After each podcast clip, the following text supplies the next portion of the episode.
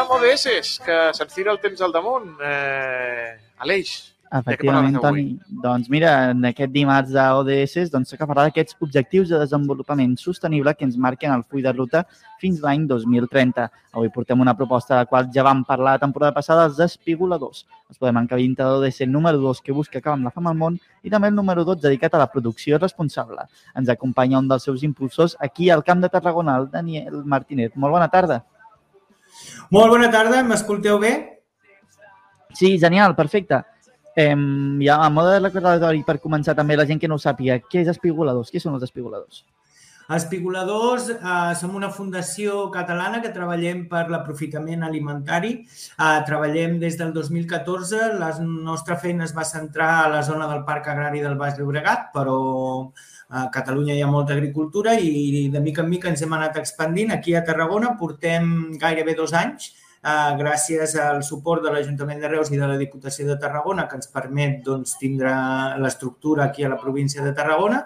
Portem gairebé 150.000 quilos de fruites i verdures que haguessin acabat sota el tractor espigolades i canalitzades a entitats socials i bueno, ja podem dir que ens hem fet grans de Tarragona. Tenim una bona xarxa d'entitats eh, socials en les quals distribuïm aliments, a una altra xarxa d'entitats socials que col·laboren amb nosaltres regularment a les espigolades, a més a més dels nostres voluntaris i voluntàries que estan a, a, a la nostra bossa de voluntariat i cada vegada tenim més uh, productors i productores que um, es presten a col·laborar amb nosaltres oferint-nos els seus excedents agraris uh, perquè podem reaprofitar-los abans de que, de que es facin malbé o hagin de passar el tractor.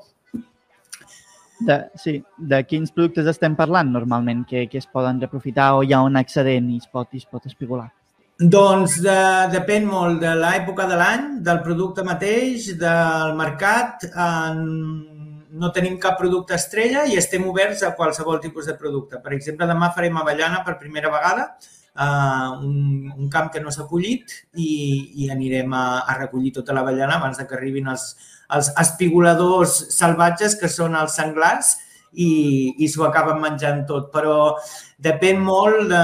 Aquí al Baix Camp eh, majoritàriament es fa mm, verdura de, de tardor, d'hivern, um, i a més a més amb la sequera que hem tingut a l'estiu no s'ha fet molt, molt, molta verdura d'estiu. De, uh, les grans extensions acostumen a ser enciams, bledes, cols, coliflors, bròcolis, romanescos, Uh, I moltes vegades es queden petits o ha vingut una setmana de fred i, i no han assolit la mida i la següent partida ja està llesta per, per, per, per ser collida, llavors el pagès abandona la que s'ha quedat petita. Llavors no podria dir que una causa principal uh, i un producte que collim molt. Uh, eh, ara, per exemple, doncs, hi ha molta carbassa, la majoria dels productors recullen les carbasses que han assolit una mida mínima i que no tenen cap mena de tara. Uh, però si tu tens una carbassa de dos quilos amb una petita raja, li treus això a la cuina i pots aprofitar tota la resta perquè tota la resta és igual que la resta de les carbasses. Llavors, ara mateix doncs, estem fent molt, molta carbassa. En les últimes tres setmanes potser doncs, hem recuperat 3-4.000 mm, quilos de carbasses dels camps del Baix Camp. Uh, estem recuperant pomes també, que comença a ser la temporada de pomes i quan els productors cullen les, les, les més grans, les més boniques, doncs les que tenen unes formes així més estranyes o les més petites se les deixen als arbres i llavors ens organitzem nosaltres i anem cap als camps, recollim les, les fruites i les portem a les entitats socials. Molt bé. Mm, Daniel, i en aquest cas, doncs demà especulareu a Vallaners. Això has comentat que no ho heu fet mai. Quines característiques té?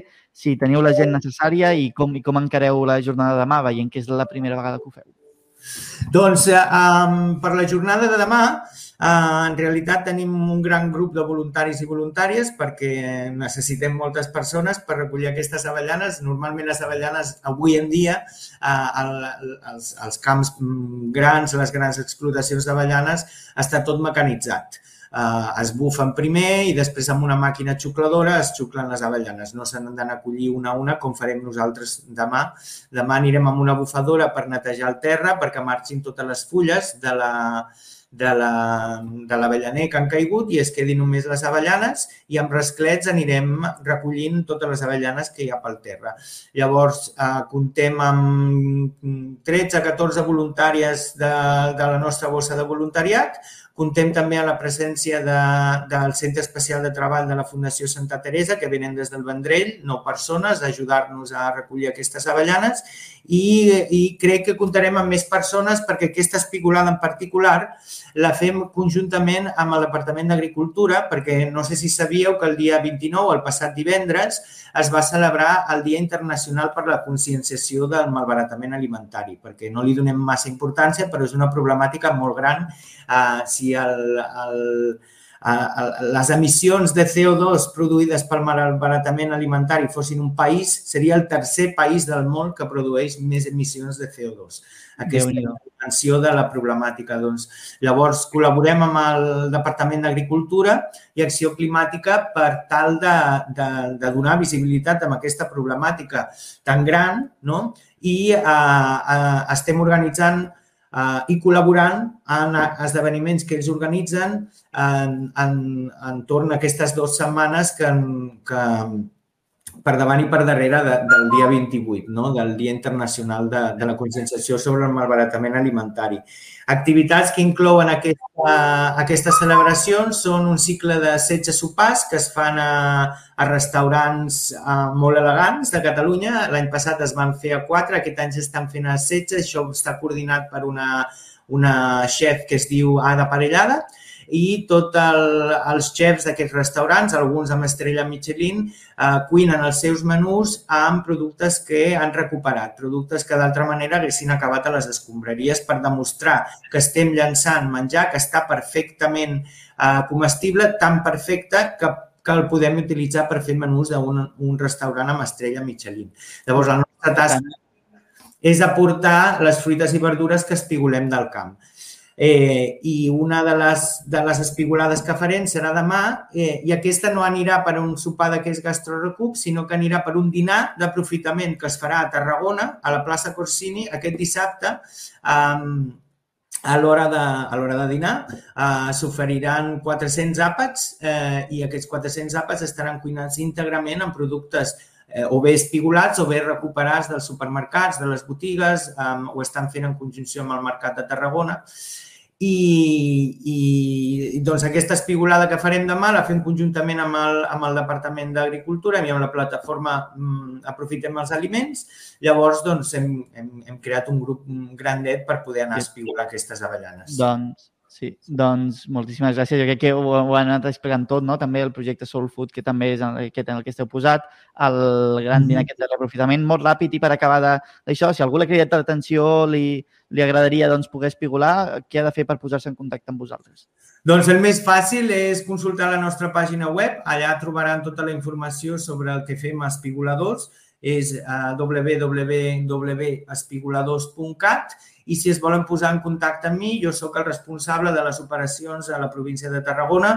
Eh, és molt fàcil, és tarragona arroba espigoladors.com Um, I com tu deies, abans de marxar, sé que tinc poc de temps, però avui també estem d'enhorabona perquè juntament amb la Diputació de Tarragona engeguem un super interessant projecte europeu.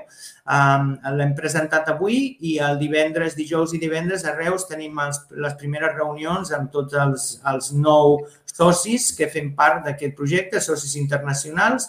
Treballem amb socis de Lituània, de Romania, de, de Grècia i, eh, òbviament, de, de, del Baix Camp, perquè, bueno, de la, de la província de Tarragona, perquè està tot impulsat i liderat per la Diputació, però un dels, dels, dels socis principals és el Centre Social El Roser, que forma part del programa de, de garantia alimentària de l'Ajuntament de Reus.